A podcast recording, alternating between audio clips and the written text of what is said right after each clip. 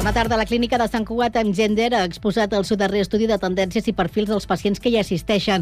La baixada d'edat mitjana dels pacients i l'augment d'homes trans i no binaris són els índexs que més hi destaquen en aquest estudi que es realitzen un any a la clínica des de que hi operen. El doctor i director executiu Ivan Mañero, a més, ha exposat aquest matí en roda de premsa com la innovació quirúrgica i els avenços clínics han permès que les cirurgies transitòries siguin cada cop més ràpides. Mañero ha explicat que, com al principi una operació de canvi de gènere trigava unes 14 hores i ara poc més de 3 hores. És dijous 26 d'octubre de 2023. També és notícia que Sant Cugat s'ha convertit en tota una ciutat escenari. El fet que cada cop hi hagi més oferta de produccions audiovisuals fetes a casa nostra i que Sant Cugat disposi d'un ampli ventall d'espais, des d'entorns naturals com Collserola, passant per edificis amb un gran patrimoni històric fins a propietats privades, fa que l'Ajuntament activés fa un any un servei per facilitar que la ciutat aculli rodatges. Amb aquesta premissa es va crear l'oficina virtual Sant Cugat City of Film, on tècnics del consistori informen i assessoren agents audiovisuals sobre quines taxes s'han de pagar, quins permisos s'han de demanar o bé com rodar els diferents indrets que ofereix el terme municipal. L'Ajuntament habilitarà com cada any un servei especial d'autobús pels desplaçaments al cementiri amb motiu de Tots Sants. El servei funcionarà el cap de setmana del 28 i 29 d'octubre i dimecres 1 de novembre. El recorregut connecta amb diferents parades de la plaça de Sant Francesc amb el cementiri amb una freqüència de pas d'una hora al cap de setmana i de mitja l'1 de novembre. A més, el cementiri ha ampliat el seu horari de visites de 9 del matí a 6 de la tarda fins al dimecres 1 de novembre. Última jornada esportiva d'octubre aquest cap de setmana pels equips santcuatencs on destaquen el duel pel lideratge de la Lliga Iberdrola d'hoquei herba entre el júnior i el Club de Campo. El partit es disputarà diumenge a Madrid a dos quarts d'una del migdia entre madrilenys i santcuatencs que comparteixen la primera plaça empatats, empatades a punts i encara invictes. Poden consultar tota l'agenda esportiva de cada setmana a Cugat Mèdia, www.cugat.cat. Res més per ara. La informació torna de quina hora a la mateixa sintonia i constantment a internet a www.cugat.cat.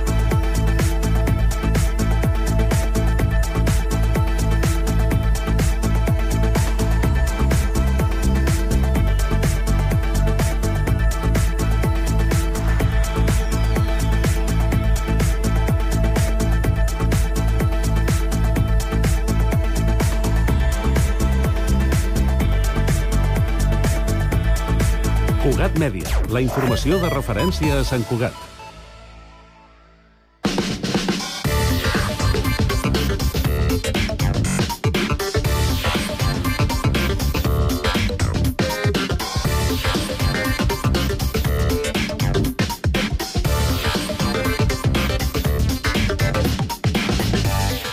De la tarda, 3 minuts, inici de la segona i última hora d'aquest Connectats de dijous. Informació de servei. Comencem pel trànsit. Jessica Rius, quina és la situació de les carreteres a aquesta hora de la tarda? Doncs ara mateix ja tenim retencions a la C-17 entre Parets del Vallès i Granollers en direcció a Barcelona, ja que hi ha un carril tallat per obres.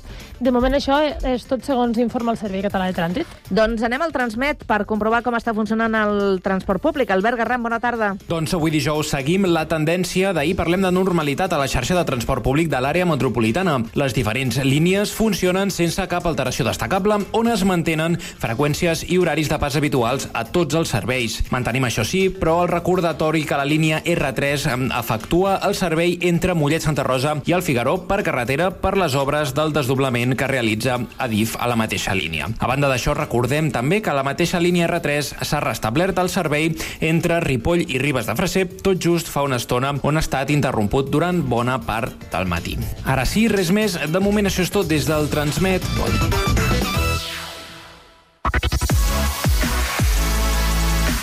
Connectats, una experiència radiofònica a Sabadell, Terrassa, Sant Cugat, El Prat, Castellà i Badalona.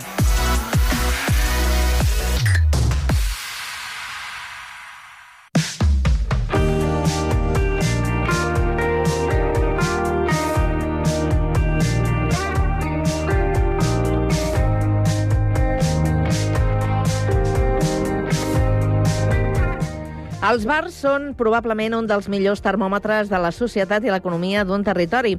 Allà s'hi ajunta el veïnat i comparteix de, des de les històries quotidianes i el safreig típic de qualsevol vila fins a dissertacions filosòfiques i profundes d'alguns parroquians quan ja falta poc per a baixar la persiana.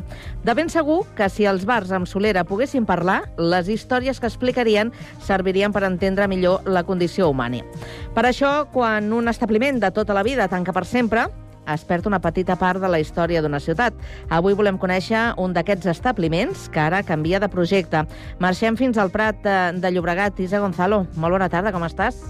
Molt bé, Carme, bona tarda. Ens agrada doncs, conèixer algunes propostes que han tingut ja un interès i doncs, eh, una importància també, com és el cas del bar de la Granja al carrer Ferran Puig, que traspassa el seu local, que canvia de projecte des de l'any 81 que ens acompanyaven a la ciutat. Avui ens acompanya Joaquín González. Explícanos un poquito cómo fue la, la historia de, de la Granja, cómo Pues, empezó todo. Empezó porque yo trabajaba en una, una empresa grande ¿eh? y estaba allí como una cosa más, ¿no? Y entonces un día pasando por allí... Acércate por- al micro, Joaquín, que no te dé miedo. Un día, un día pasando por, por la calle, mm, entré y me enteré que la estaban traspasando, ¿no? Entonces lo comenté a un familiar y decidimos cogerla. Plegamos ne- de donde trabajábamos y la cogimos. ¿Tú te dedicabas ya a la restauración o...? No. No tenías mucha idea de lo que No. significaba, ¿no? No. Bueno, sabes un poco, ¿no? Pero Sí. tampoco es para, para tirar cohetes, ¿no? Y entonces, pues, ya le cogimos. Era muy, muy normalita, muy los productos normales de aquella época, ¿no? Hasta que abrimos la parte de arriba, hicimos pizzería, ¿eh? la parte de abajo empezamos a dar comida, después ya fuimos ampliando otro negocio y así empezó todo, ¿sabes? O sea, que hicisteis pizzería incluso en la parte de Sí. arriba, que en ese momento no En sé si era una cosa muy... No, la, muy la habitual, abrimos en el año 86, la pizzería. Y entonces solo existía la Dinápolis, Claro. ¿eh? y, y entonces ya la, mont- la montamos nosotros en aquella época, ¿eh? hasta que montemos la siguiente en Carretera Marina, que se llamaba La Caixalada. Así que empezaste con este negocio de restauración, pero luego te fuiste animando y fuiste No, montando me, otros me animé, proyectos, me ¿no? animé demasiado. sí, sí, y entonces después eh, me pidieron que llevara el club náutico, los Sí. socios de, eh, de aquella época, y estuvimos allí dos años en el club náutico también, porque no era nuestro, era una concesión, y después ya pues nos fuimos quitando cosas y nos quedamos con el principio, ¿sabes? Del año 81 hasta, hasta hoy en día. ¿sabes? ¿Cuándo es, eh, ¿En qué momento os quedáis solo con la granja otra vez? Y también cómo cambia un poquito, porque creo que Sí, empiezas pues con un socio, luego ya entra tu mujer también, la Ino. Sí, se vino a, ahí a trabajar con nosotros. la, la llevamos a la escuela de, de hostelería, el, el Gran Café en Barcelona, que tiene una escuela de hostelería, o tenía, que ya está cerrada. La lleva el profesor Llanadosa, ¿eh? y allí ella estuvo aprendiendo con muchos profesores, ¿no? Eh, Vino, catas, esto, carnes, pescado, todo esto. Y hasta que ya, pues, se quedó ya en la cocina con nosotros. O sea, que ella hizo una formación previa eh, Claro, también sí. para poder dar ¿no? el Sí, servicio sí, que queríais. Exacto. Hasta que ya se, pues la- se quedó ya con nosotros y ya, pues ya hacíamos menú y hacíamos de todo, vamos. ¿En qué momento dejáis de, de ser pizzería y se parece más un poquito a, a lo que hemos visto en los últimos años? Pues dejamos de ser pizzería a partir de cuando, cuando nace Nadia, Claro. ¿sabes? Porque estábamos viviendo fuera y entonces nos iba bien la pizzería, pero decidimos cambiar el tema, ¿no? También era mucha faena, ¿no? Plegábamos muy tarde los sábados por la viernes y sábados por la noche plegábamos muy tarde, ¿no? Y teníamos entonces tres niñas, ¿entiendes? Entonces vivíamos en, en una casa que nos compramos en la costa y, y teníamos que venir cada día, Claro. ¿sabes? Y entonces dijimos, bueno, vamos a hacer un cambio y hicimos la parte de arriba otra vez vivienda, Ujú. como estaba, y pusimos la cocina abajo y hicimos somos cafetería y cocina. Claro, esto os facilitaba un poco la conciliación familiar. Porque Claro, es verdad sí, que está. la hostelería es eh, un trabajo cuenta muy una cosa que sacrificado. yo, por ejemplo, que entonces estaba mi hermano conmigo. ¿eh? Eh, muchas veces eh, cerrábamos tarde y yo me, a lo mejor había dejado el tren, en- el coche en Vilanova y me quedaba sin, sin tren. ¿sabes? Digo, ¿qué hago? Pues tenía que decirle a mi hermano, venga, llévame hasta Vilanova. Que es un trocito. Entonces fue, Claro. decimos, hacer el cambio, ¿sabes? Ujú. Y entonces, no, malamente. Hicisteis ese cambio, pero claro, tampoco es fácil tirar adelante, como tú decías, tres niñas trabajando los bueno, dos. pero ¿sabes qué pasa? Que si tienes, yo qué sé cómo decirlo, ¿no? Tienes ganas, lo haces todo. ¿eh? Sin ganas no haces nada. ¿eh? Es decir, te tienes que poner, ¿no? Si no te pones, no, no te puedes acobardar. Si te acobardas, malo. Hay que continuar, ¿no? Hay que tirar para adelante. Te guste o no, tienes que tirar. ¿Cómo es esto de trabajar en familia tantos y tantos años? eh, Pues, trabajar en matrimonio. mal. Porque claro, eh, al final estás compartiendo muchas horas en el trabajo. Mal. Luego llegas a casa con los mismos problemas. No, no, la casa está arriba, Claro. entonces ya. O sea, no teníais ni el proceso de, de No. salir del trabajo, claro, es en el No. mismo edi- edificio. ¿Separabais eh, Bueno, el tema del momento, trabajo? Llegó un momento que me ofrecieron una cosa que era trabajar en los trenes en la cocina. Sí. Y entonces ahí ya empecé a estar más tiempo afuera, ¿sabes? Porque teníamos mi hermano, mi hermana, ¿eh? Y entonces ya estaban menos tiempo allí y estaban más traba- trabajando en los trenes que, que en esto. Pero luego volviste más a dedicarte aquí, ¿no? Luego volví, sí. He hecho un, un recorrido muy largo, ¿eh? de verdad. ¿eh? He hecho un recorrido muy largo porque est- estuve en varios sitios, ¿no? Lo que pasa es que siempre me ha gustado moverme mucho, ¿no? ¿Sabes? Y entonces eh, monté un restaurante para unos banqueros al lado de los Cuatro Gats, ¿sabes? Me llamaron a través de un amigo mío que es maestro de cocina, eh, da clases de cocina en un gran colegio, y él me dijo, vente que te voy a presentar. Y entonces me dijeron que lo llevara yo, un banco. Pues bueno, pues lo hacemos. Ostras. O sea, que te has animado un poco a hacer de todo. Bueno, mira, teniendo la, el- la granja, teniendo el, eh, la caixalada, trabajando en los trenes, todavía cuando bajaba del tren llevaba la- las obras de, del restaurante. Del otro restaurante. Claro, en los últimos años, Joaquín, sí que te hemos conocido ya eh, solo con la granja, ¿no? Sí, ya sí. También eh, tus hijas se han ido incorporando. ¿Cómo ha sido ese proceso? Porque es verdad que, no. que alguna ha estado, Bueno, alguna alguna ha no. estado, sí, no sé si a ti te hubiera gustado también que cogieran el relevo. No, mejor que no. Mejor que no. Tú preferías que no se Yo dediquen prefiero que cada uno elija su camino. ¿eh?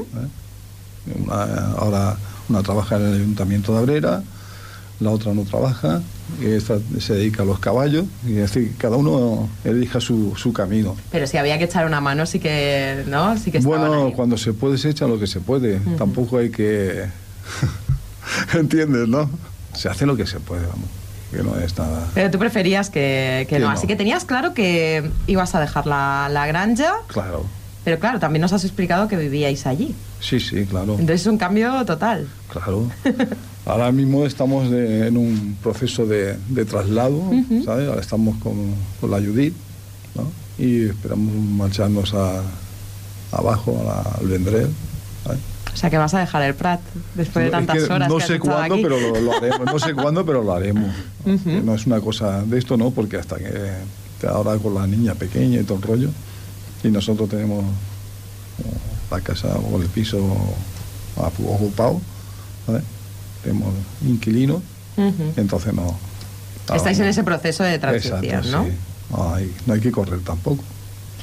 Joaquín, eh, tienes ganas de, bueno, tenías ganas de jubilarte, supongo, pero por otro lado la gente Pues te habrá ver- dicho, ¿no? Tus- no, la verdad es que tienes me- parroquianos que son muy fieles. Sí, la verdad es que sí, que hay gente muy fiel y muy maja, ¿no? Lo que pasa es que tenía y no tenía ganas, ¿sabes? Digo, no sé si me aburriré, no sé lo que pasará, ¿no? Pero dije, bueno, vamos a hacerlo y también por, por la mujer, ¿no? Que también ella estaba un poquito cansada, ¿no? Hombre, ya os apetece poder disfrutar tranquilos, ¿no? De, Bueno, también hemos disfrutado. de lo que os habéis ganado, Pero ¿no? La verdad es que no, eh, que también hemos disfrutado, hemos viajado, hemos pasado bien. Que, quiere decir que una cosa no tiene nada que ver con la otra. ¿eh? Siempre que podíamos, nos salíamos y íbamos de vacaciones, salimos para aquí, salimos para allá. Quiere decir que, que no hemos dejado de, de pasarlo bien. Todo es compatible, ¿no? Claro, hombre. No, entonces, trabajar, trabajar, sí, pero tienes que tener tus ratos de ocio también. Claro. ¿Ahora cuánto tiempo llevas sin trabajar? Pues desde el tren- desde el 28 de agosto. Sea, que llevas un mes, casi dos meses. Casi dos meses, sí. ¿Te ha dado tiempo de asimilarlo, de Mira. hacer un cambio mental de etapa? Todavía no habíamos traspasado la granja porque la cogí el día 31 y el día 28 nos fuimos de vacaciones. Ujú. Eh, O sea, que has podido disfrutar y ahora Con ella, con su madre. con Nadia, que nos acompaña aquí también. Sí. Y nos fuimos a, a Ibiza y compañía.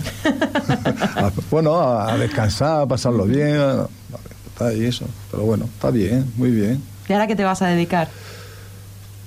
Pues ahora no lo tengo pensado, nada.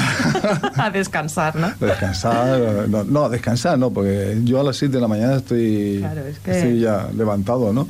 Pero hacer cosas, yo qué sé. Yo siempre se leen cosas, ¿no? Es decir, que no sé cómo explicarlo, ¿no? Me sale algo, pues digo, bueno, te echo una mano, cosas así por el estilo, ¿no? Pero no un, como diría yo, un horario fijo ni nada, ¿no? Porque a mí me gusta hacer cosas, ¿eh? Me gusta estar parado. Y en casa siempre estoy haciendo cosas. ¿eh? Que si esto, que si aquello, que si lo otro. Si te quedas parado, el tiempo te come. Sí, sí, totalmente. ¿Eh? ¿Qué vamos a ver eh, en la granja? Porque sí que has hecho ya este Pues- traspaso. Los invitaremos aquí para que nos expliquen un poco qué proyecto tienen. Son unos chicos peruanos. ¿eh? que hacen cosas de aquí, pero también hacen sus comidas típicas de allí, de su país, como ceviche y cosas así por el estilo. Y de momento están empezando, hasta que no coja la gente una confianza, pues es como todo. ¿eh? En los negocios hay momentos buenos y momentos malos. Y empezar, ¿sabes lo que pasa? Que mm, yo he tenido mucha gente durante muchos años, ¿no? Y el cambio es cuesta, cuesta asimilarlo, ¿no? Porque cada uno tiene su forma de trabajar, su forma de ser ¿eh? y su forma de preparar las cosas. No digo que uno sea mejores o peores, ¿no? Pero Es, es muy diferente, claro, del Claro. menú tradicional que hacíais vosotros. pues claro, ¿no? es cuando Eh, te, te- claro. te acostumbras a un tipo de, de bocadillos, de comida, de yo qué sé, ¿no? Que te sirvan con agrado o sin agrado, ¿no? Es como todo, ¿no? Pues te... Incluso, claro, vosotros al final tenéis gente que os iba cada día, que ya sabéis sus gustos personales, que sin que te digan lo que Yo quieren, ya sabes sab- lo que, que- quieren, Yo creo ¿no? que sabíamos demasiado ya. Ya, que la gente se vaya acostumbrando, ¿no? Sí, También a sí, los cambios. Aparte, estar mi mujer, había muchas mujeres porque ella Claro. le gusta mucho hablar. Bueno, porque es muy simpática, la inocencia es muy simpática. Claro que sí, porque, No, no, bueno, tú eres otro No, carácter, no, yo soy muy simpático también. soy más reservado, ¿sabes? Eres más reservado, Sí. claro. Y la ahí no tenía el punto ese también Claro. de, de relaciones públicas. Sí, yo creo ¿no? que hubiese estado bien de relaciones públicas. Os ha costado mucho el traspaso porque es verdad que estáis situados en un sitio eh, excepcional, ¿no? En la calle Ferran Puig, tocado con Plaza de la Vila. Mm. No, sé si- porque, eh, a ver, ha venido mucha gente, ¿no? Lo que pasa es que cada uno puede llegar hasta donde puede llegar, ¿no? Claro, ¿Eh? sí. Entonces nosotros nos pusimos un límite ¿no? de esto y hasta que llegaron estos chicos y llegamos a un acuerdo y ya está. ¿eh? Es verdad que tiene mucho potencial, ¿no? Eh, es un lugar privilegiado, de paso, de, Sí, de salir. Bueno, de ten en cuenta que cuando yo cogí la, la granja, ¿no? que entonces se llama Record de Usmari, ¿sabes? En, el- en la plaza no había nadie. En la plaza no había nadie. Mira, te voy a explicar. Eh, a las 9 de la mañana eh, se ponía aquello, mujeres. ¿eh? Todo mujeres. Yo he visto entrar un señor, abrir la puerta y Irse. cerrarla y irse. le, le daría miedo. ¿sabes? Pues imagínate cómo estaba, porque en la plaza no había nada, nada más que estaba el Rincón Taurino y el Sport. Sí. ¿eh? Ya está. El único que existía. Después se marchó el Sport Ujú. y se quedó el Rincón Taurino. Después se empezaron a abrir más bares. ¿sabes? Claro, y es verdad que por horarios las mujeres siempre han sido más las que llevaban a los niños al colegio y luego se también podían había reunir. mucha- muchas mujeres porque entonces solo existía la piscina de, del fondo del peso, Ujú. ¿sabes? Y todas venían a hacer su... Sí, hacer deporte y después eh, podían desayunar o, o lo que venían, fuera. Pues Ujú. venían todas a desayunar y eso. ¿sabes? Es decir que, sí, aquellas mujeres estaba pleno. Pues eh, Joaquín, te queríamos hacer un poco de homenaje por nuestra parte, darte la oportunidad que nos cuentes un poco tu historia, porque eres al final una parte importante de, de la Bueno, historia del Prat. No, no, no, no creo, ¿no? Pero bueno, os lo agradezco, ¿no? Quiero decir que os lo agradezco, ¿no? Quiero decir, ha sido toda la vida, como que dice, trabajando, ¿no? En fin. Pues esperamos que ahora te vaya muy muy bien, el descanso Es- también, que te ocupes en también. otras cosas, Sí, que bueno, disfrutéis con ahora- la hino de lo que queráis, de salir por ahí. A- Ahora tengo los, los nietos que no paro. con Claro. ellos, ¿eh? uno, uno está allí, el otro está aquí, y así, vamos. Y que vengáis por el plan de vez en cuando también. De momento estamos aquí en el plan. De momento no hemos ido. Quién sabe si a lo mejor nos volvemos a quedar otra vez. ¿vale? Pero de momento estamos aquí. Nos vamos. Muchísimas gracias por acompañarnos. por, la- por acogerme. Que vaya muy bien, Joaquín. Gracias, cariño.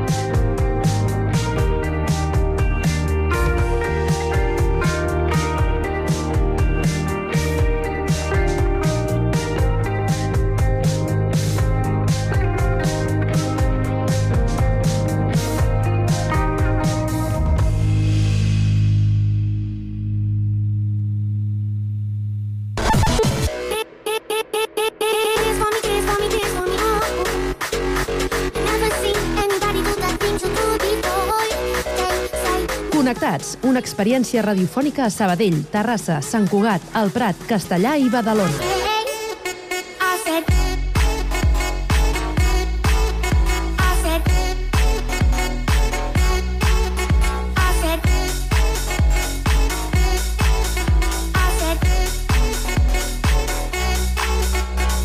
Connectats amb Carme Reverte.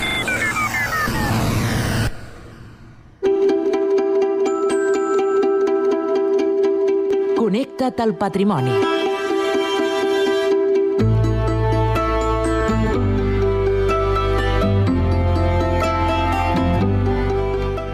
El Centre Borja, com indiquen en la seva pròpia web, és una comunitat de jesuïtes que es troba a Sant Cugat, al peu de Collserola. En aquest indret, el Centre Borja ofereix nombroses activitats i serveis a la comunitat cristiana. Avui ens endinsem en algun dels seus racons i joies, de la mà de l'historiador Domènec Miquel. Domènec, bona tarda. Hola, bona tarda. Avui parlem d'un centre que ara comentàvem que va tenir, diríem que una època de, de, de molta presència o molta comunió amb, amb la ciutat de, de Sant Cugat, però que amb el temps ha anat una mica, una mica a menys, no? La sensació. Sí, sí, sí, realment ha sigut així, sí. A veure, és un centre que comença com un seminari, de fet, ja tenien, els jesuïtes tenien un seminari, diguéssim, a Barcelona, i llavors el traslladen a Sant Cugat perquè necessiten fer-lo més gran, no? I va ser un seminari que hi van haver-hi 200 i escaig eh, estudiants, eh? vull dir que era una cosa gran. Estem parlant de la dècada dels 40. De fet, eh, quan s'inaugura és el 1949 i, i a partir d'aquest moment és, mm, diguem, l'arrencada, però també l'època d'esplendor amb, amb, amb, molta, amb molta afluència de, de, de joves que venien a, a formar-se, no? Però em pensa que estem en una època del nacionalcatolicisme i, i per tant, en aquella època hi havia vocacions a cabassos. I, per tant, doncs, eh, a veure, això va arribar més o menys fins al Vaticà II, i a partir del Concili Vaticà II la cosa va anar creixent, no? Però en els primers temps, sí, efectivament, hi havia molts estudiants. Uh -huh. Estudiaven teologia, estudiaven Filosofia, filosofia. i ideologia, sí. Uh -huh. eh, si parlem de la, de la construcció de l'edifici d'aquest centre Borja, és un edifici mm, gran, enorme, de diferents plantes. Són tres, tres o quatre, Quatre plantes. plantes, sí. Quatre plantes. Té capella. Sí, té, sala, bueno, té una sala d'actes, eh, teatre, per dir-ho així, i té una capella, diguéssim, molt gran, també. Sí. Uh -huh. Eh, I, a més, eh, fa diferents serveis, ara potser una mica menys alguns, però que, que són els que s'oferien en un principi en, en, aquest, eh, en aquest centre. Eh, un centre que, segons explica eh, la seva pròpia història, per construir aquest edifici van construir una... van crear una bòbila. Sí, sí, sí. És que és un edifici fet d'obra vista, de totxo vist, eh, de l'arquitecte Balcells, i aleshores el que vam fer va ser crear eh, el número de, de, de totxos que necessitaven eren milions, i per tant, eh, més que comprar-los, els hi sortia molt més a compte fabricar-se-els ells mateixos, i llavors doncs, van crear una bòbila. Estan en un terreny on, on, on les argiles són molt bones per fer totxos, i per tant van començar, diguéssim, doncs, fabricant-se totxos per ells mateixos. Quan van acabar l'edifici i tot plegat, això va continuar. I llavors era la bòbila dels jesuïtes, o la bòbila dels capellans, o digue-li com vulguis, que era una bòbila en cooperativa. Un centre que en el seu moment es va crear al, als afores de, de la ciutat, als afores de, de Sant Cugat, i que ara mateix podríem dir que està perfectament incorporat al, al nucli de, de la ciutat, eh, al costat d'Esade. Sí. No? I ara parlarem d'aquesta relació que, que tenen eh, eh, aquestes, eh, aquests dos centres. Eh, si parlem d'un dels espais importants, hem de parlar de la seva biblioteca, o almenys important fins fa un temps, no? Sí, la Biblioteca del Centre Borja ha estat una de les grans, grans biblioteques de Catalunya. És a dir, després de la Biblioteca de Catalunya i la Biblioteca de Montserrat, ha sigut la gran biblioteca de Catalunya amb més de 350.000 volums que això per un país com el nostre és molt. Eh? Si te'n vas als Estats Units i veus la Biblioteca del Congrés, que té 8 milions, doncs això és un joc de criatures, no? Però bé, per lo que era el país, doncs realment era una biblioteca molt important una biblioteca que és una suma de biblioteques, perquè a mesura que van anar desmuntant altres coses, eh, per exemple, el col·legi que tenien en el monestir de Veruela, o el que tenien a baix en l'Ebre, o coses d'aquest tipus així, tot lo, tots els llibres anaven passant en aquesta biblioteca, diguéssim, del Borgi. Per tant, aquesta biblioteca es va convertir en una gran biblioteca. També una gran biblioteca amb molts duplicats, eh? però, bueno, de totes maneres, era una gran biblioteca i de més. Que va fer molt servei a molts santcugatencs quan Sí. havien de fer segons quin tipus de treballs, no? Sí. Perquè era accessible. Sí, sí, sí, sí, sí, sí, completament accessible. Sempre ha sigut així accessible. Sí. I què ha passat ara amb aquesta biblioteca? El seu fons ja no està tot al centre Borja, no? Bé, perquè a partir de que es va morir el pare Borràs, que va ser l'últim gran bibliotecari doncs, que, que hi va haver-hi, eh, a veure, les directrius de la, de la companyia Jesús i tot plegat també van anar canviant i aleshores, eh, per exemple, tot el que són els incunables i tot el que són les col·leccions de Sant Ignasi i de més van passar a província, a Barcelona, eh, diguéssim, en els locals de Barcelona, amb la qual la part, les parts més valuoses, diguéssim, doncs, eh, es van treure. Llavors, dintre el centre, el que és pròpiament el centre on hi havia la biblioteca, eh, ha quedat tot lo de teologia fonamental. I les parts més d'humanitats han passat en la biblioteca de Sade. I aleshores la Biblioteca de Sade, de totes maneres, té una sala de reserva, eh, així és una mica especial, on, per exemple, hi ha un manuscrit del segle XVIII sobre una història del monestir de Sant Cugat, una història del monestir de Sant Cugat, que és un manuscrit molt important, perquè només n'hi ha tres eh, de, de manuscrits aquests. Eh, es pot, saps si es pot continuar visitant? Aquesta està oberta al públic, la, Està la del obert al públic. Sí, sí, sí, però el que passa és que, diguéssim, val més demanar-ho perquè... Sí, sí, sí, però ho pots, hi pots anar, sí. Es pot contactar i es pot sol·licitar. Eh, un altre de, mm, podríem dir, de, de, de, dels temes importants eh, quan parlem del centre Borja. Aquest arxiu del Palau Requesens, que sembla que ara es troba a, a l'Arxiu Nacional de Catalunya. Sí, efectivament, sí. Ai, això són aquestes Explica'ns històries. aquesta història, perquè me la vas explicar eh, fa, fa uns dies, me la vas explicar i, i té, té, té, té miga. Bueno, la família de Requesens és una de les grans famílies nobiliàries de Catalunya i, per tant, doncs, han tingut molts càrrecs i càrrecs molt importants, i han sigut virreis i, i, i per tant, és una família realment remarcable, no? Aleshores arriba un moment en què l'últim descendent, que és el, el conde de Sobradiel, eh, resulta que deixa, fa una deixa en els jesuïtes, perquè té un germà que és jesuïta i tot plegat, i ho deixa, diguéssim, aquí. Eh, també els hi deixa el castell de Canals, eh? Ah. que era seu. Eh? Va. El de Valloreix. Sí, sí, sí, sí, Mhm. sí, allò era del Conde Sabriel i passa, diguéssim, doncs, en els jesuïtes. Aleshores, després passarà a l'Ajuntament per una sèrie de permutes urbanístiques i una sèrie de coses i de més, però bueno, en aquests moments era això. Aleshores, eh, eh, esclar, aquest fons és un fons molt important i eh, era era una mica problemàtic eh, accedir-hi en allà perquè, eh, a veure, diguéssim, actualment el Centre Borja tampoc té una gent que estigui, eh, que es pugui dedicar, diguéssim, a aquestes tasques, a fer aquestes tasques i tot plegat. Llavors, al final van optar per dipositar-lo en l'Arxiu Nacional, on realment hi ha unes condicions de conservació i un personal especialitzat que si tu demanes un document doncs el trobaran fàcilment.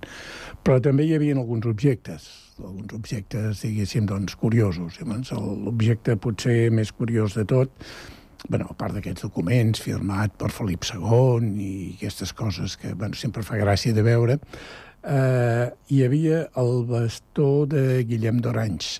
Saps que Guillem d'Oranys, eh, que en principi era catòlic, després es va passar als calvinistes i va ser qui va fer la, la revolució contra Espanya per aconseguir la independència de- d'Holanda, no? I, per tant, doncs, és un personatge molt important. I llavors, en una batalla, el 1594, eh, va deixar el seu bastó de comandament, que és un bastó que fa uns 80 centímetres, eh, amb, unes incrustacions de plata i de més, el va deixar en el seu germà.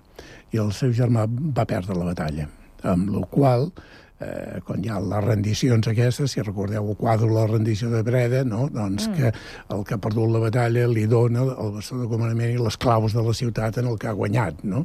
Doncs bueno, va fer aquest gest. Llavors aquest bastó que teòricament hauria d'haver passat, diguéssim, en el rei d'Espanya, perquè al cap i al fi, diguéssim, el Requesens només era un delegat del rei d'Espanya, i això, la qüestió és que se'l va quedar ell i va quedar dintre de la família Requesens i això, i, i ha estat en allà guardat en el centre Borja. Aleshores, el, el 2017, el 2017, a través d'un diplomàtic que estava a Holanda, que tenia relació amb els jesuïtes, es va enterar que hi havia aquest bastó i tot plegat. Ai. I aleshores, com que els reis d'Holanda van tenir una visita en el papa, aprofitant aquesta visita, diguéssim, amb el papa, el general dels jesuïtes els hi va eh, deixar en préstec el bastó. En préstec? No, sí, no, no els Però no va- ha tornat encara, no?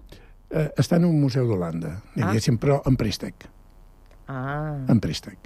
Eh, està en préstec perquè, esclar, això és un objecte, eh, diguem-ne, de la història d'Espanya, és, per tant, és, un, és un, un element que és patrimoni nacional i està protegit per la llei de patrimoni. Hauria de tornar, doncs. Bueno, ha de tornar o pot estar, diguéssim, en préstec en allà, amb les In condicions eternum que... no. Home, in eternum no. no in eternum no. In eternum no, però sí, sí. Curiosa la història. I escolta'm una cosa, parlam de la capella. Per tant, aquesta capella encara continua funcionant, imagino, i si fa litúrgia, hi ha celebracions allà... En principi sí, hi ha les misses vespertines dels dissabtes i les misses del diumenge al matí. I, a més, hi va molta gent per una raó molt senzilla, perquè es pot aparcar. Clar. sí, sí, és veritat. La gent que ve de lluny o gent gran que té dificultats de moviment i tot plegat pot anar allà i aparcar relativament al costat de la porta, no? Clar, perquè ens, ombli... ens hem oblidat de dir que aquest eh, eh, centre Borja eh, té un recinte eh, bastant ampli, que, amb jardí... Molt, molt ampli, sí. Sí, un no? molt ampli. Ens hem deixat pel final eh, una altra qüestió que jo desconeixia i, i és aquesta infermeria. Hi ha un servei d'infermeria Sí. que eh, serveix per atendre els jesuïtes més grans, no? Sí, a, a veure, és que el centre ha passat per moltes fases. També hi ha hagut una, una fase, diguéssim, en la qual, per exemple, hi havia un menjador que tu podies anar-hi a dinar. Mm? Ara, ara no existeix, eh? això, diguéssim, però durant uns anys sí que hi va ser-hi.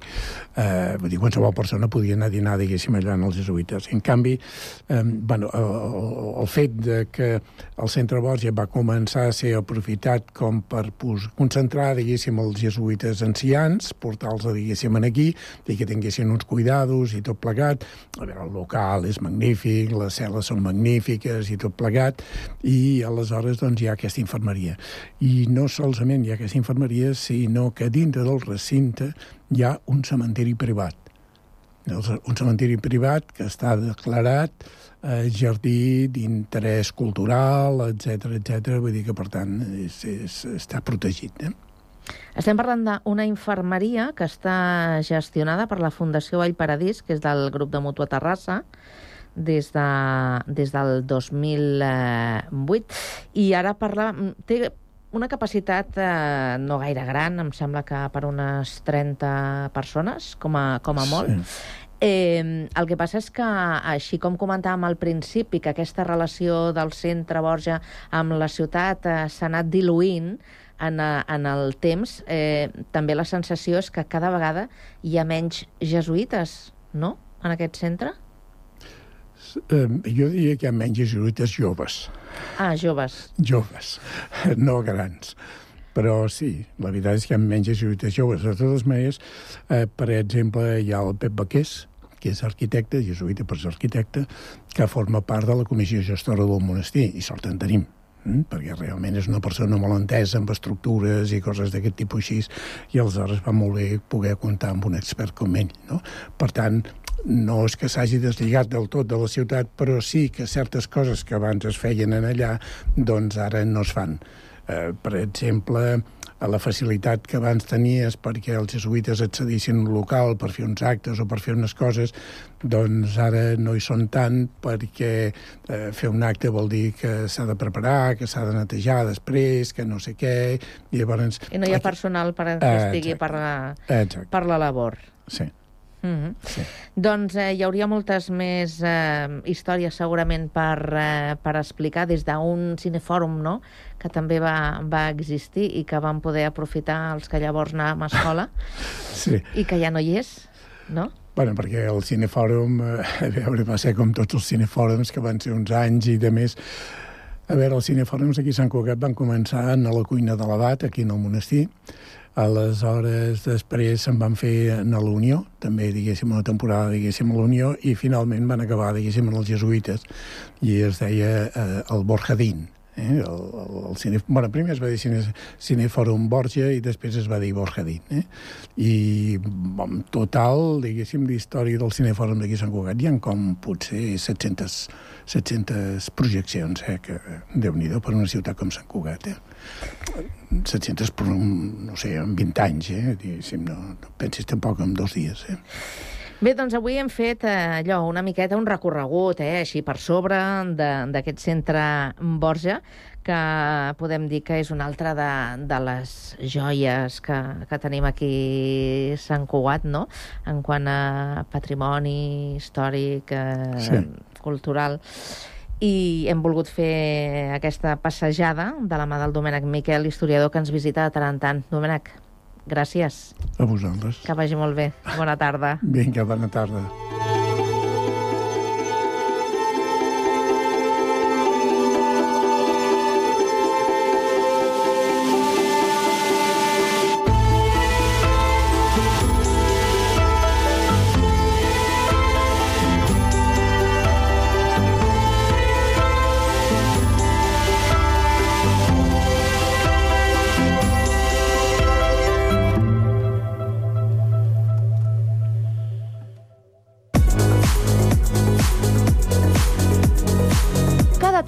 Tarda, de 4 a 6, Connectats. Una experiència radiofònica a Sabadell, Terrassa, Sant Cugat, Castellà, El Prat i Badalona.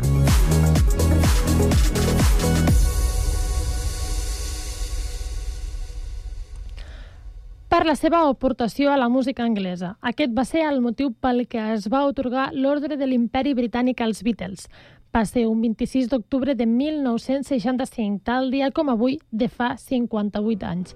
L'encarregada d'entregar-la va ser la reina Isabel II. Aquell dia el grup va arribar al Palau de Buckingham amb el Rolls Royce amb els vidres negres de John Lennon. Segons conta la llegenda, aquest, aquell dia abans de la cerimònia van passar pels lavabos del Palau de Buckingham per fumar-se unes cigarretes de marihuana. Sense saber si és certa o no, els Beatles van rebre aquesta medalla gràcies a cançons com aquest Let It Be. darkness, she is standing right in front of me, speaking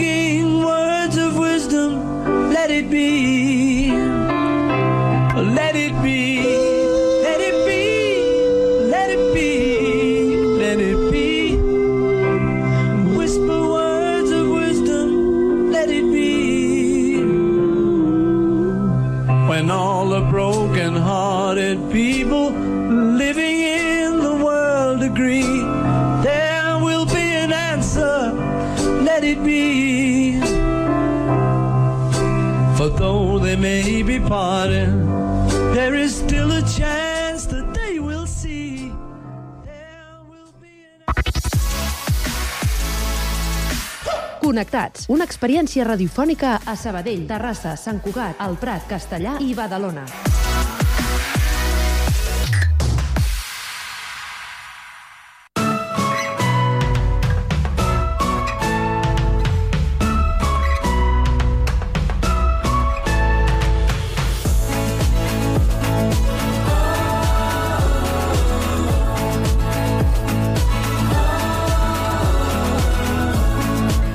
Garatge Club, un escenari, 900 concerts, és el títol del documental que es presenta la setmana que ve al Festival Inèdit sobre aquesta cèlebre sala barcelonina ja tancada. Tothom es movia una mica per trobar una actuació durant la dècada dels 90. Havia acabat, eh, havia acabat segurament pujant a l'escenari del garatge i sembla ser que a Sabadell se'n van sortir prou bé. Pau Duran, bona tarda. Bona tarda, doncs avui recuperem la història d'un grup de gent de Sabadell que després d'haver comprat un fotimer de discos de punk, metal i hardcore va decidir començar a pujar als escenaris. Corria l'any 1994, eren els X-Milk i avui tenim els seus membres, el Manel Gallego, que era el baix, i el Dani Gomà, que era la guitarra. Benvinguts. Gràcies. Hola, bona tarda. Uh, com us va donar per dir, doncs vinga, va, prou d'escoltar i pugem una mica a sobre les taules. Ui, quines miradetes que veig, No, aviam, aviam. Bueno, no sé. Jo és Va. que incluiria també una mica de metal per acabar de ser sí, concrets. Per ser concrets, el punk i el hardcore, també nosaltres som del metall, també ens agrada el l'ujaviata, eh? diguéssim. Tot el que siguin guitarres amb distorsió, allà estarem. Tot era això, vinga, com llavors, va anar? Llavors sí que és veritat que el que tu expliques l'any 94, quan la banda es va fundar, nosaltres no hi érem, vale? tot s'ha de dir. Encara Ah, estàveu comprant discos. encara estàvem comprant discos perquè nosaltres teníem una altra banda que es deia Plastidecore, que també va, també va tenir el seu recorregut i la seva història, si vols després en parlem. I llavors, bueno, doncs en un moment determinat, el baixista i el guitarra de X-Milk originals van marxar, ells només van participar a la, a la demo i als primers concerts, i com que Plastidecore vam plegar, doncs allà estàvem en Dan i jo, ja ens coneixíem perquè bueno, això és un, era un món petitet i ens coneixíem tots i aquí a Sabadell encara més i bé, vam entrar en Dan i jo i a partir del primer de les primeres bueno, del primer CD bàsicament del Function, doncs allà estàvem allà estàvem ja el, el Dan i jo Veu anar fent fins a acabar tocant pràcticament a tot l'estat, en la primera etapa. Sí, sí, sí. Correcte. I un dels llocs on veu actuar a Barcelona, no? el que en el seu moment eh, no, no, no hi faltava ningú, al carrer Pallars, era Garatge Club, recordeu les actuacions? Correcte, sí. sí, sí, correcte, correcte. El Garatge Club, mira, vam tocar en el Hardcore BCN, aquest que et vaig passar el cartellet, eh, vam tocar de taloners de Shelter, que era una banda de Nova York, vam tocar algun altre més que, francament, ara no recordo, però sé que hi vam tocar, jo crec que unes 4 o 5 vegades ben bones vam tocar a Garatge. I en Plasti, si I en no recordo, Plasti de Core també, havíem- un parell de vegades. El de ràbia positiva contra la crisi de la sida, de taloners de, de All, dels americans, també. Vull dir que bé, gairebé era la nostra segona casa. Sí, no? Us sentíeu ja una mica uns habituals, perquè no? Entre, entre que hi anàvem a tocar i que anàvem a veure concerts, perquè allà doncs, vam veure, doncs, ja pots imaginar, mm, fotimer de bandes, doncs, uh, sí, sí, hi anàvem molt sovint. Allà vau estar. Doncs escolteu, dos anys abans que aquesta gent ja es liés la manta al cap, havia obert el Garatge Club al carrer Pallars de Barcelona i ara s'estrenarà un documental sobre la història del local que està dirigit per l'Albert París. Bona tarda, Albert. Bona tarda. Garatge Club, un escenari 900 concerts, que es diuen ràpid. La, la xifra és una mica rodonida, eh? perquè em sembla que van ser més de, no, més de 900 concerts, de fet són més de 900 concerts i crec que més de 600 bandes les que van passar per, per garatge durant els 10 anys de vida. Com t'ha donat per fer la, aquesta síntesi, per voler furgar una mica en la història del local? Doncs eh, la veritat és que el documental neix una mica... eh, porto, porto, porto set anys amb el projecte i la veritat és que dic que va néixer una mica per casualitat. Perquè Set anys? És el projecte, el projecte... Sí, sí, sí. Jo vaig començar... eh, Això és, és un projecte que jo faig... Eh, començo a fer a principis del 2016 perquè em vaig, estava a l'atur i em vaig apuntar en un curs de guions de documentals a l'Escola d'Escriptura de l'Ateneu amb el professor Carles Prats. I jo vaig apuntar-me bàsicament per fer alguna cosa entre setmana, però sense cap intenció de fer cap documental.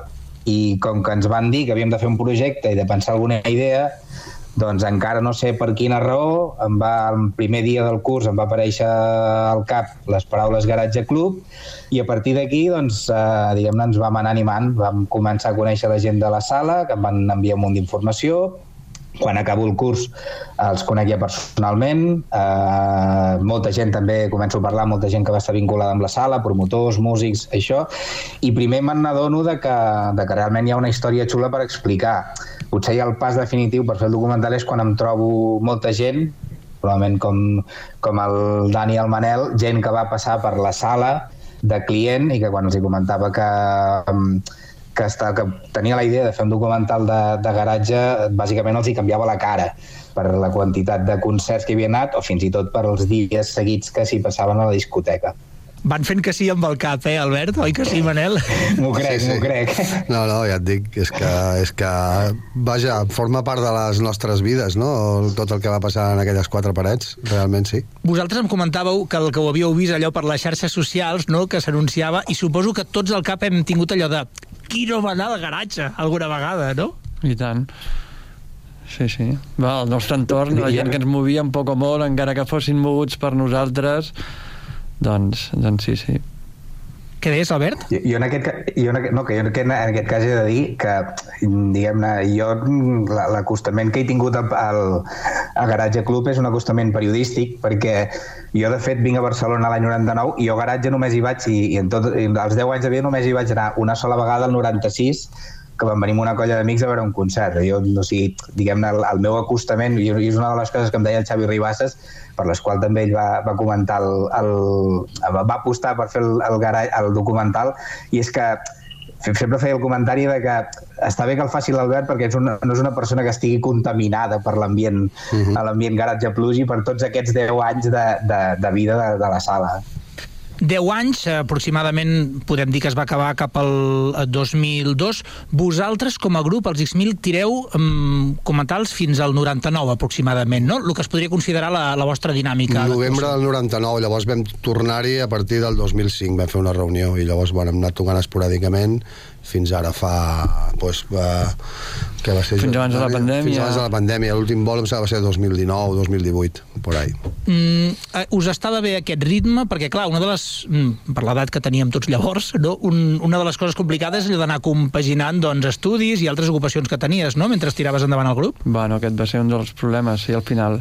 Sí, clar. El, que diu el Dani és correcte. Va, va, o sigui, un dels desencadenants de, de la dissolució de la banda és perquè en Dani i en Raül s'havien de centrar en els estudis. Llavors teníem mig preparada també una gira per començar a sortir fora de l'estat i no es va dur a terme mai. Però, bueno, jo també, amb el que jo segueixo tocant i, i amb el que em costa avui en dia trobar, trobar temps per tocar i quedar amb els músics tot plegat, les vides han canviat i, òbviament, flipo amb el, la quantitat de temps que teníem abans, perquè es assajàvem tres cops a la setmana, quatre, o sigui, a part de concerts, anar a concerts, o sigui, bueno, quan, quan ets jove ets, ets ric en temps, no? I ara costa més. Albert, entenc que d'aquesta aproximació que deies una mica, intent fer aquesta, aquesta mirada de, des d'unes passes enrere, eh, suposo que és una mica un, un retrat d'aquella Barcelona de, dels 90, de- d'aquell moment on es poden veure també una mica el, aquesta manera de fer no?, dels participants i del públic. Sí, eh, de fet el documental, amb una mica el fil conductor és, és, el, és la gent de garatge i la, la manera com ells van gestionar uh, tota la sala durant els 10 anys. La relació amb el públic, relació amb promotors, etc etc que era que era molt propera. Hi ha una cosa que, que no ens hem d'oblidar, i és que Garatge al final és una història de tres nanos del Poble Nou de 20 i pocs anys que munten una sala de concerts per 800 persones, no? També és veritat, després hi ha el rerefons de com, de, de com hi ha tota l'explosió eh, de la música alternativa en tots els sentits eh, durant els anys 90, que Garatge evidentment és, és, és, és un nucli, i, i després també l'evolució. El documental també parla de, de com canvia l'escena de Barcelona i també com canvia, com canvia, com, perdó, com canvia la ciutat perquè hi ha una cosa que és important que és que Garatge, eh, quan ells entren al 92 ja saben que el local on està està afectat per, les, eh, per la reforma urbanística del Poble Nou i de fet han de tancar el 2002 bàsicament per, per qüestions immobiliàries. No? Aleshores em, sembla, em, em semblava important que, que la història de garatge també hi hagués aquest rerefons de com canvia l'escena, que és totalment radic, que és radicalment diferent a, Uh, ja, ja fins i tot amb els 10 anys, des del 92 al 2002, però també com canvia radicalment la, la ciutat. Vosaltres recordeu com s'aconseguia un concert d'aquests? Suposo que els més difícils dels primers, no? Allò de dir, ostres, que, el, que hi ha l'opció de tocar a garatge. Com arriba una actuació en un local així? Amics, la qüestió és tenir bons amics Sí, i bons el, contactes. és un, món- el hardcore és un món petit. Vull Quan dir... us feu aquestes miradetes i somriures penso, ara estan processant, què es pot explicar de, de tot això? No, no, aviam, teníem una discogràfica i la discogràfica, doncs, evidentment, ens... Uh, Clar, treballàvem amb Becore Disc. Nosaltres vam gravar amb Becore Disc i vam editar amb Becore Disc. Llavors el Jordi pues, estava ben posicionat allà, tenia contactes a garatge, i llavors també érem amics del Xai Manresa de Cap Cap Produccions, uh -huh. que feia molts concerts de bandes internacionals. El que ara seria FMN, em sembla que es diuen, Hardcore for My Nose, doncs abans ho portava el Xai Manresa i era, es coneixien d'una o sigui, és que tot és com molt de rebot, eh? es coneixien amb el cantant de Plastidecor, d'un poble que anaven a estiuejar, tal i qual, doncs bueno, el, el de Cap Cap pues, quan necessitava uns taloners pues, ens avisava, tant a Plastí de Core com a X-Mil, com aquell de Shelter va venir, per, va sí. venir pel Xai Manresa. O, o alguna vegada, doncs, algú, com el cas de lo de l'altre concert que has comentat... El de la crisi positiva contra la ratlla de la Sí, sida. doncs el que va muntar el concert, doncs, bueno, i pensa en una sèrie de grups que vol que estiguin al setlist i, i, Ja està, i una, contacte, una, no? una trucada al telèfon fix que es feia abans perquè el posàvem a les maquetes i els discos i tal, o, o una carta perquè no hi havia internet, òbviament i, i així anaven les coses Escolta, i com us quedeu? Sí, han dit, Digues, digues, Albert. Perdona, Pau. Uh, han, no, només era... Han dit dos dels noms que, de fet, tant el Jordi Llançamà de Becore com, com el Xavi Manresa de Cap Cap surten al documental, perquè jo crec que són dos noms uh, essencials també en la, Totalment. en la història de garatge, perquè el Cap Cap és probablement la promotora que més, més, més programa a garatge i, i Becore eh, eh, com que ja es coneixien també eh, de, de, de Puerto Rico i d'altres mogudes d'abans eh, jo crec que, que probablement eh, era, és la discogràfica que més, més programa garatge i de fet jo diria que, que mm, no sé si tots o gairebé tots els grups que estaven a Becore als anys 90 van passar com a mínim una vegada sí, per l'escenari de, de garatge. Sí, sí, perquè en Jordi també va organitzar festivals que tocaven pues, uns quants segells, Exacte. unes quantes bandes al seu segell, quan editava un recopilatori d'aquells que feia, un record collection, etc. Sí, sí, estic segur de que tot, tot el que de dius fet, és, és De així. fet, de fet, la banda que va tocar més vegades a Garatge és, és, és, és, és Aina, de, Sí. de, de, de Becore, que va tocar 14 vegades. Jo tinc, tinc la llista i a vegades apareix que toquen, igual en un mes, un mes i mig, toquen 3 vegades. I era, bueno, era bastant habitual, això. Grans amics, els Aina, grans amics. Teníem Bona un... gent, també, surt, també surten. Sí, teníem un sabadellenc, de fet, no?, pel el, el Santes Masses. El estava- Santes Masses, Sí. correcte, sí. Molt bé. El, això que explicava ara eh, l'Albert, vosaltres ho sabíeu mentre fèieu ús d'aquestes actuacions al local, de que allò tard o d'hora acabaria havent de marxar d'allà? Sí, bueno, al final es va saber. Sí, home, en aquella època, ja, quan fèiem concerts allà, jo per almenys no era conscient. Vull dir, per nosaltres era la sala de referència perquè pràcticament tots els concerts una mica de, de totes les bandes internacionals de hardcore, si venien a Espanya, passaven per allà, no? I, i de fet tocar allà per nosaltres també era en plan, uau, anem a tocar a garatge, no? Uh, no tocàvem tant com els Aina. No, però jo puc, dir, jo puc dir que he tocat amb tres bandes diferents allà, eh? Amb tres, amb eh? tres, sí. Escolta, i el dia que us diuen mm, ara sí que hi ha trurut, es tanca. Com us quedeu? Bueno, va ser, va ser com, hòstia, i ara on seran els concerts de Barcelona?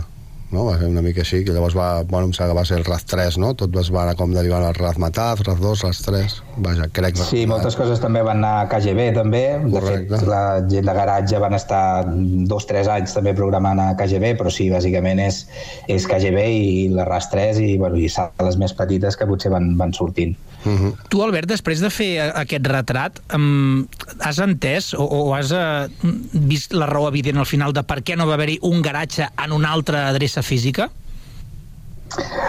Um, és que, és que mm, una de les coses que queden amb el documental és que Garatge va tenir els 10 anys de vida que va tenir i, i, i sobretot per la mentalitat que tenien els, els, els, els tres socis sobretot, però bueno, tot l'equip de Garatge um, va, um, era, era molt difícil. També canvia molt l'escena, no oblidem que, que al final, el 2002, per exemple, ja diria que ja el 2002 ja es fa la segona edició del Primavera Sound i han començat a haver-hi certs eh, festivals i també molts dels grups que passaven per garatge noms més, més importants, per exemple, un que surt, podem parlar, per exemple, de Green Day o per la, per la de Rammstein, i ja, els hi queden, ja són sales petites, ja han fet el salt de, a, a, a sales molt més grans. No? Jo crec que l'escena ha canviat molt i ells també, hi ha, hi ha una part de, del tema immobiliari, però ells també ho expliquen i també hi havia una, un, una qüestió de cansament. No oblidem que Garatge a vegades programava concerts des de dimarts fins, diu, fins diumenge i amb dos, tres dies a la setmana també de discoteca. No? Aleshores, eh, l'escena canvia molt i això també és una, és una cosa que s'explica molt a, a, al documental. Albert, quan s'estrena, quins dies podem anar-hi? Fes-nos en 5 cèntims. S'estrena el dia de la presentació és el dia 1 de novembre, dimecres que ve, a tres quarts de set, a la sala 5 de l'Aribau, vale, que allà estarem també, hi haurà el Xavi Ribasses eh, i crec que el Xavi Royo la punxaran una mica de música abans i farem, farem la presentació i si no recordo malament les, el segon passi del documental és el diumenge 5 també a tres quarts de set de la tarda.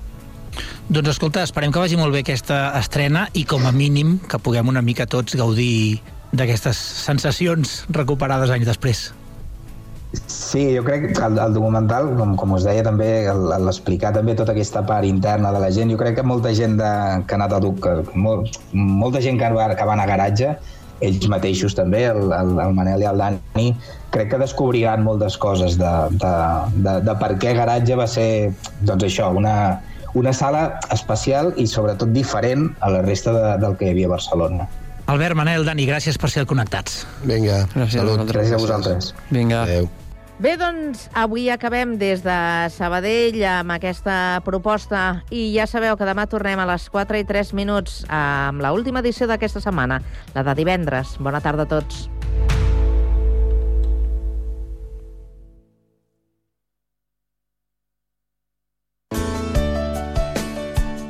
Ràdio Sant Cugat. www.cugat.cat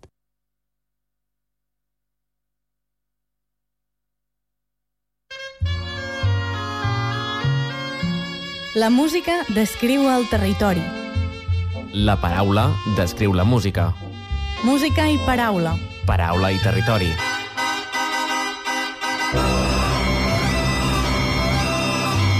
A través dels instruments de coble, les nostres veus I la teva ràdio. A Ràdio Sant Cugat, escolta el Coplejant el diumenge a les 10 del matí. Estàs pensant a posar plaques solars a casa teva? Doncs passa't a l'energia solar de manera fàcil i segura amb la Teulada, experts en energia solar i el nou espai d'assessorament per a la ciutadania i les empreses. Informa't a la teulada.amb.cat o contacta'ns per WhatsApp al 645 725 465. La Teulada és un servei de l'AMB finançat amb el Fons Europeu de Desenvolupament Regional. AMB, Metròpolis de Barcelona. Estrenem l'APP del Picalletres. Paraules i jocs lingüístics per a tothom. Descarregueu-vos l'APP a Google Play o a l'App Store i comenceu a jugar. Nosaltres. Nosaltres som feliços. Nosaltres som així. Nosaltres, un programa de ràdio mensual amb el grup Catalònia Fundació Creativa, que treballa amb persones amb discapacitat intel·lectual o trastorn de conducta. Avui som la Maria José, el Miguel, l'Edu, la Núria, l'Irra, el David, l'Antonio, l'Artur, l'Emma, l'Àngel i el Guillem, jo mateix. Jo vaig començar amb el teatre d'aficionats. I vaig començar a fer molts càstings, molts càstings, i vaig començar a dedicar-me a la moda. Jo volia ser tenista i, i vaig aconseguir ser tenista professional. Jo em vaig donar compte que m'agradava molt la natació sincronitzada perquè m'agradava molt l'aigua. Vaig començar bastant tard a, a fer música i vam crear la banda d'Arnau Riso. Nosaltres, cada mes, a Ràdio Sant Cugat, Cugat Mèdia. Nosaltres. Hola, buenos días. Somos el programa Partú, de Talleres de Ayuda de Moragas, en la Radio San Cugat. Buenos días, yo soy Rosa. Yo soy Alba. Ana. Yo soy Adriana. Javi. Lalo. Muy bien, chicos. Pues venga, adelante, Adriana, con nuestra primera sección. per tu que has arribat. Una competición de fútbol inclusivo formado por personas con diversidad funcional de varias entidades. El reciclaje es vital para conservar nuestro planeta. Per tu. Per tu, a Ràdio Sant Cugat i a Cugat.cat, amb el taller Jeroni de Moragas. Ràdio Sant Cugat.